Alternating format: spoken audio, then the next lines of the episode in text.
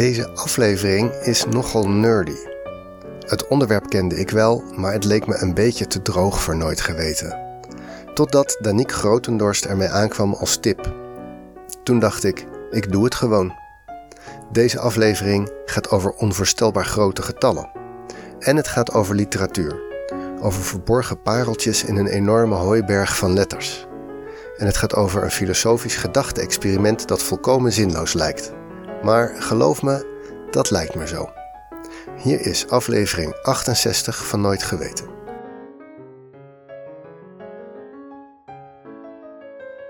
In 1941, terwijl de rest van de wereld met oorlog bezig was, kwam in Buenos Aires een boek uit, geschreven door een van de meest mysterieuze schrijvers uit de 20e eeuw. Het was een verhalenbundel van Jorge Luis Borges. Borges was een filosoof en bibliothecaris. Hij schreef niet veel, maar wat hij schreef was super intellectueel, heel vreemd en heel invloedrijk. Toen hij nog leefde was het ieder jaar een verrassing dat hij weer niet de Nobelprijs voor de literatuur won. Dat boek uit 1941 was een verhalenbundel. Laat me een klein stukje voorlezen uit een van die verhalen.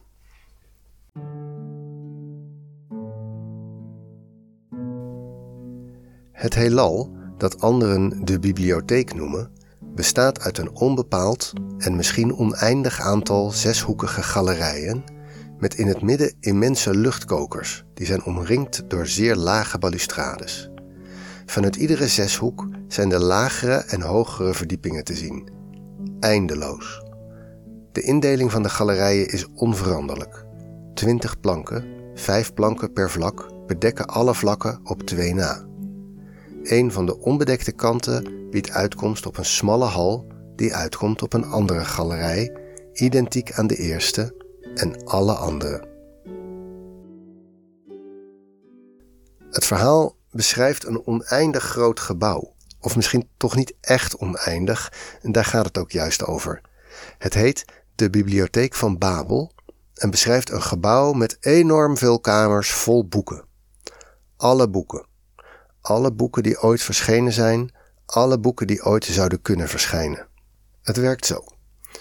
Iedere kamer heeft vier kasten met elk vijf planken. Op iedere plank staan 32 boeken. Ieder boek bestaat uit 410 bladzijden van 40 regels met op iedere regel 80 letters. De bibliotheek bevat geen dubbele. In het verhaal wordt benadrukt dat de bibliotheek dus heel erg groot moet zijn, maar niet oneindig. We kunnen immers uitrekenen hoeveel kamers je dan nodig hebt. Borges vond dat zelf niet zo nodig om daar getallen aan te hangen, daar komen we zo nog op terug. Maar eerst even de implicaties van zijn bibliotheek. Alle boeken die mogelijk zijn.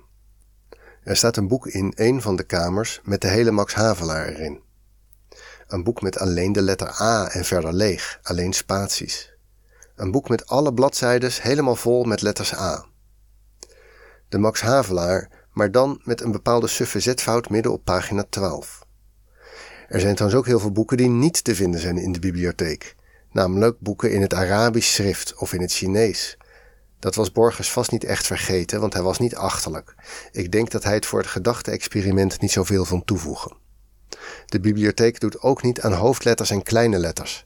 Dat is eigenlijk wel een beetje jammer, want er staat dus nauwelijks een boek echt helemaal in zoals wij het zouden herkennen.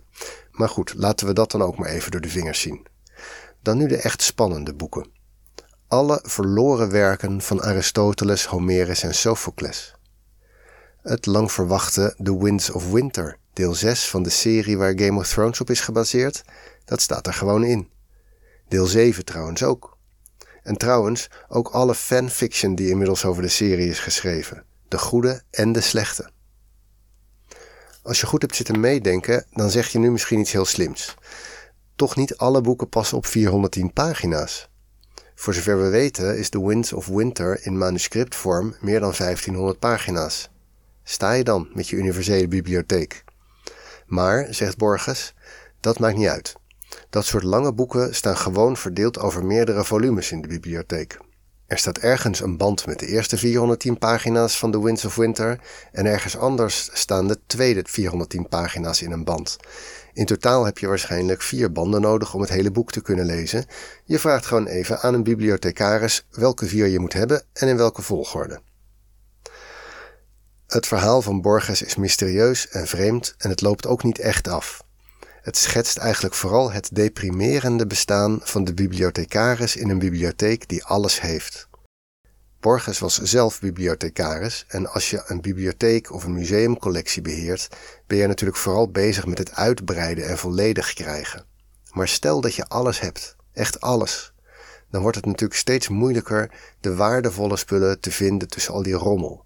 Als je naast alle wereldliteratuur in je bibliotheek ook alle kasteelromannetjes, alle Donald Ducks, alle schoolkranten, alle huiswerkopgaven van alle leerlingen ooit hebt. Naarmate je meer hebt, bestaat je collectie voor een steeds groter deel uit rommel en wordt het de taak van de bibliothecaris om de paar spullen terug te vinden die de moeite waard zijn. De bibliotheek is dan inderdaad het heelal, om moedeloos van te worden. Hier laten we Borges en zijn verhaal los. Om even terug te komen op hoe groot de bibliotheek van Babel zou zijn, heb ik toch maar even de sommetjes gedaan. Je hebt 26 verschillende letters en dan ook nog de spatie, de punt en de komma. Volgens het verhaal staan er geen andere tekens in de boeken van de bibliotheek. De pagina's hebben 40 regels van 80 letters en elk boek heeft 410 bladzijden. Dan heb je dus 29 tekens voor 40 x 80 x 410 posities. Dat is een onvoorstelbaar groot getal. Dat soort getallen proberen we niet eens meer uit te spreken, dan zeg je alleen nog maar hoeveel cijfers het heeft. Dat is een getal met 1,9 miljoen cijfers. Dat is het aantal boeken, maar er staan per kamer 640 boeken, dus het aantal kamers is kleiner. Dat is een getal met ongeveer drie cijfers minder. Dus dat tikt eigenlijk niet erg aan. Nou heeft Borges zich dus al beperkt tot boeken van 410 bladzijden, met dat trucje dat je voor langere boeken gewoon meerdere volumes achter elkaar moet zetten. Dat kunnen we ook de andere kant op doen. Als je bijvoorbeeld de boeken maar half zo dik maakt, 205 pagina's, dan wordt het totale aantal boeken een getal met maar 950.000 cijfers, dus een half zo lang getal.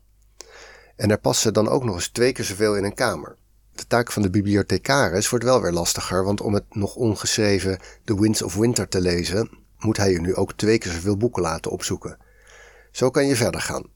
Als je alleen alle mogelijke bladzijden in de bibliotheek wilt hebben, die je dan alleen nog even op volgorde hoeft te zetten, dan is het totale aantal bladzijden nog maar een getal met 4679 cijfers.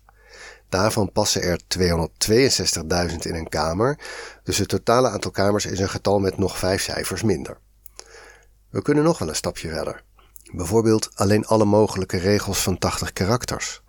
Dat zijn er nog steeds heel veel. Het is een getal met 116 cijfers. Maar op een pagina kan je daar 40 kwijt, dus het aantal kamers met boeken valt wel mee een getal met 109 cijfers. Nog steeds niet echt realistisch om te bouwen. Eigenlijk is de enige manier om in onze wereld alle mogelijke boeken in één bibliotheek te hebben, om er nog één stapje verder mee te gaan. Eén boek met 29 pagina's. Op elke pagina staat één letter. En dan een pagina met een punt, een pagina met een komma en één lege pagina. Dan hoef je alleen nog aan de bibliothecaris te vragen welke letters je allemaal moet lezen en in welke volgorde.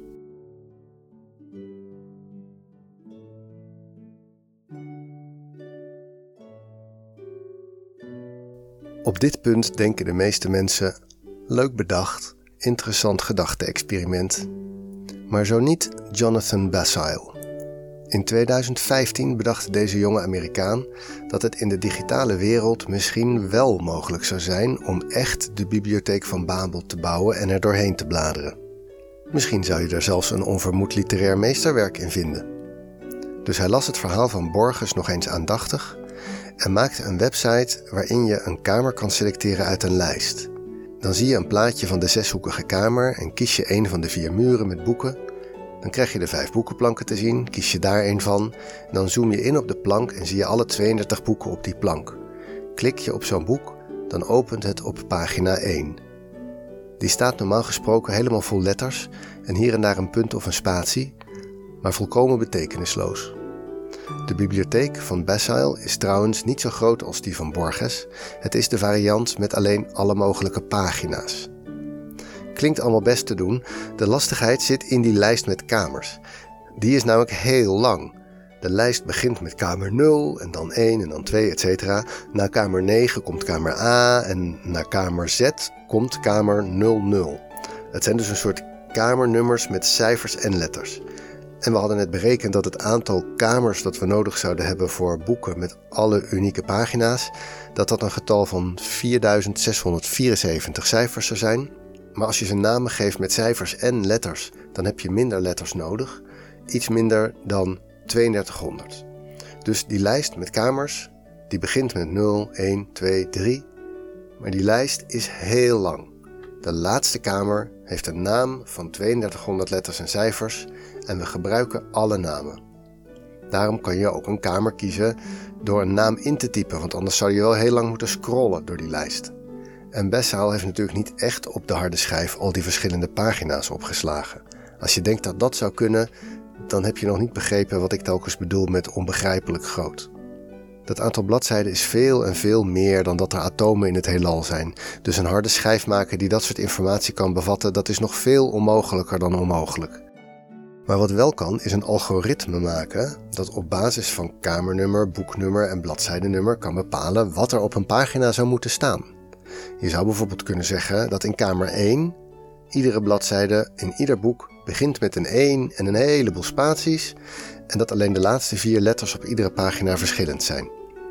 Op die manier kan een kamer alle mogelijke pagina's bevatten die beginnen met het kamernummer aangevuld met spaties. Dan staat dus de eerste pagina van de Max Havelaar in een kamer die als naam precies die hele eerste pagina heeft behalve de laatste vier letters. Zie je voor je hoe dat zou werken? Een beetje flauw, want je kan aan de naam van de kamer eigenlijk al helemaal zien wat er in die kamer te lezen valt. Die laatste paar letters kunnen we er waarschijnlijk zo ook wel bij aanvullen.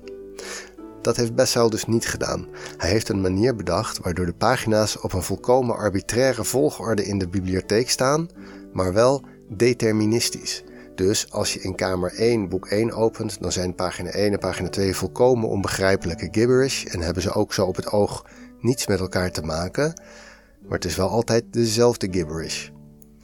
Er is dus een kamer waar die eerste pagina van de Max Havelaar ergens in een boek staat, maar de naam van die kamer is op het oog volkomen ongerelateerd en de naam is dus bijna 3200 tekens lang. En het knappe van het algoritme van Bessel is dat hij het ook andersom kan doen.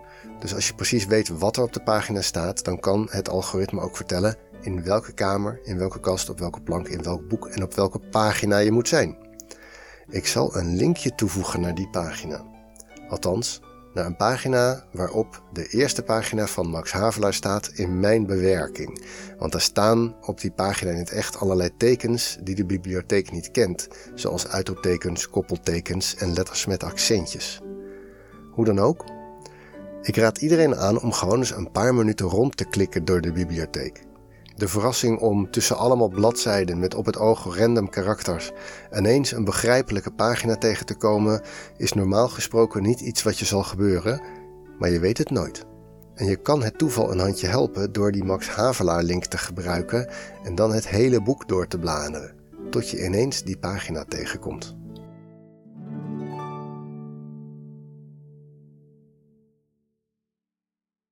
Misschien dat niet iedereen dit heeft, maar ik vind het idee dat voorwerpen van enorme schoonheid en waarde daar zomaar liggen, maar dat de hooiberg zo groot is dat je ze maar moeilijk vindt, ik vind dat een fascinerende gedachte. En inderdaad ook een beetje ontmoedigend. Ik heb nog één leuk linkje voor jullie als je dit soort dingen leuk vindt. Het gaat om een Frans boekje met poëzie geschreven door Raymond Queneau. Queneau was in de jaren 60 oprichter van de literaire groep Oulipo, wat stond voor Ouvroir de Literatuur Potentielle, zoiets als werkplaats voor potentiële literatuur. Ze waren geïnteresseerd in precies het soort dingen waar de Bibliotheek van Babel over gaat. In 1961 publiceerde Queneau het boekje Cent mille milliards de poèmes, oftewel 100.000 miljard gedichten. Het boekje had tien pagina's, met op elke pagina een sonnet. Elk sonnet had hetzelfde rijmschema, dus alle zinnen 1 en alle zinnen 3 rijmden op elkaar. De pagina's waren allemaal in repen gesneden, zodat je willekeurige combinaties van alle regels uit de 10 gedichten kon maken. En omdat een regel 3 in elke combinatie op regel 3 bleef staan en altijd rijmde op iedere mogelijke regel 1, krijg je toch bij iedere combinatie een gedicht dat qua vorm en rijmschema een keurig Frans sonnet van 14 regels is. Dan heb je dus inderdaad 10 tot de macht 14 is 100.000 miljard sonnetten. En als ik ze lees, dan denk ik bij de meeste: klinkt een beetje wazig, maar op zich wel mooi. Wist ik maar wat het betekent. Dat zegt misschien iets over mij, of over gedichten, of allebei. Er zitten in die honderdduizend miljard waarschijnlijk een heel aantal die duidelijk ergens over gaan en echt heel mooi zijn. Maar welke? Dit is natuurlijk heel makkelijk online te doen. Ik voeg weer een linkje toe naar een online versie die iemand heeft gemaakt. Je kan de site ook in het Engels gebruiken als je Franse sonnetten lastig te begrijpen vindt. Jammer genoeg kan het niet in het Nederlands. Maar wat ik wel van harte kan aanbevelen is de site sonnettengenerator.nl, gemaakt door Pieter Breeman. Ook geheel geïnspireerd door Queneau, maar niet echt een vertaling. De generator van Breeman kan zelfs ongeveer een miljard keer meer gedichten genereren dan het boekje van Raymond Queneau. En die 120 triljard gegenereerde Nederlandstalige gedichten, die staan dus ook allemaal ergens in de bibliotheek van Babel. Je moet alleen even weten waar je moet kijken. Dit was aflevering 68 van Nooit Geweten. De trigger om dit verhaal te maken kwam door de tip van Danique Grotendorst over de online bibliotheek van Babel van Jonathan Basile. De oplossing van de fotopuzzel was de pagina over de Bibliotheek van Babel, het verhaal van Borges. Nooit geweten wordt gemaakt door mijzelf, Teun Duinstee, en is een hommage aan Wikipedia. Ken je iemand die dit een leuk verhaal zou vinden? Stuur het dan door. Volgende week is er weer een aflevering en wie alvast wil weten waar die over gaat, kan proberen de Wikipedia fotopuzzel op te lossen. Die vind je in de show notes. Bedankt voor het luisteren en tot de volgende week.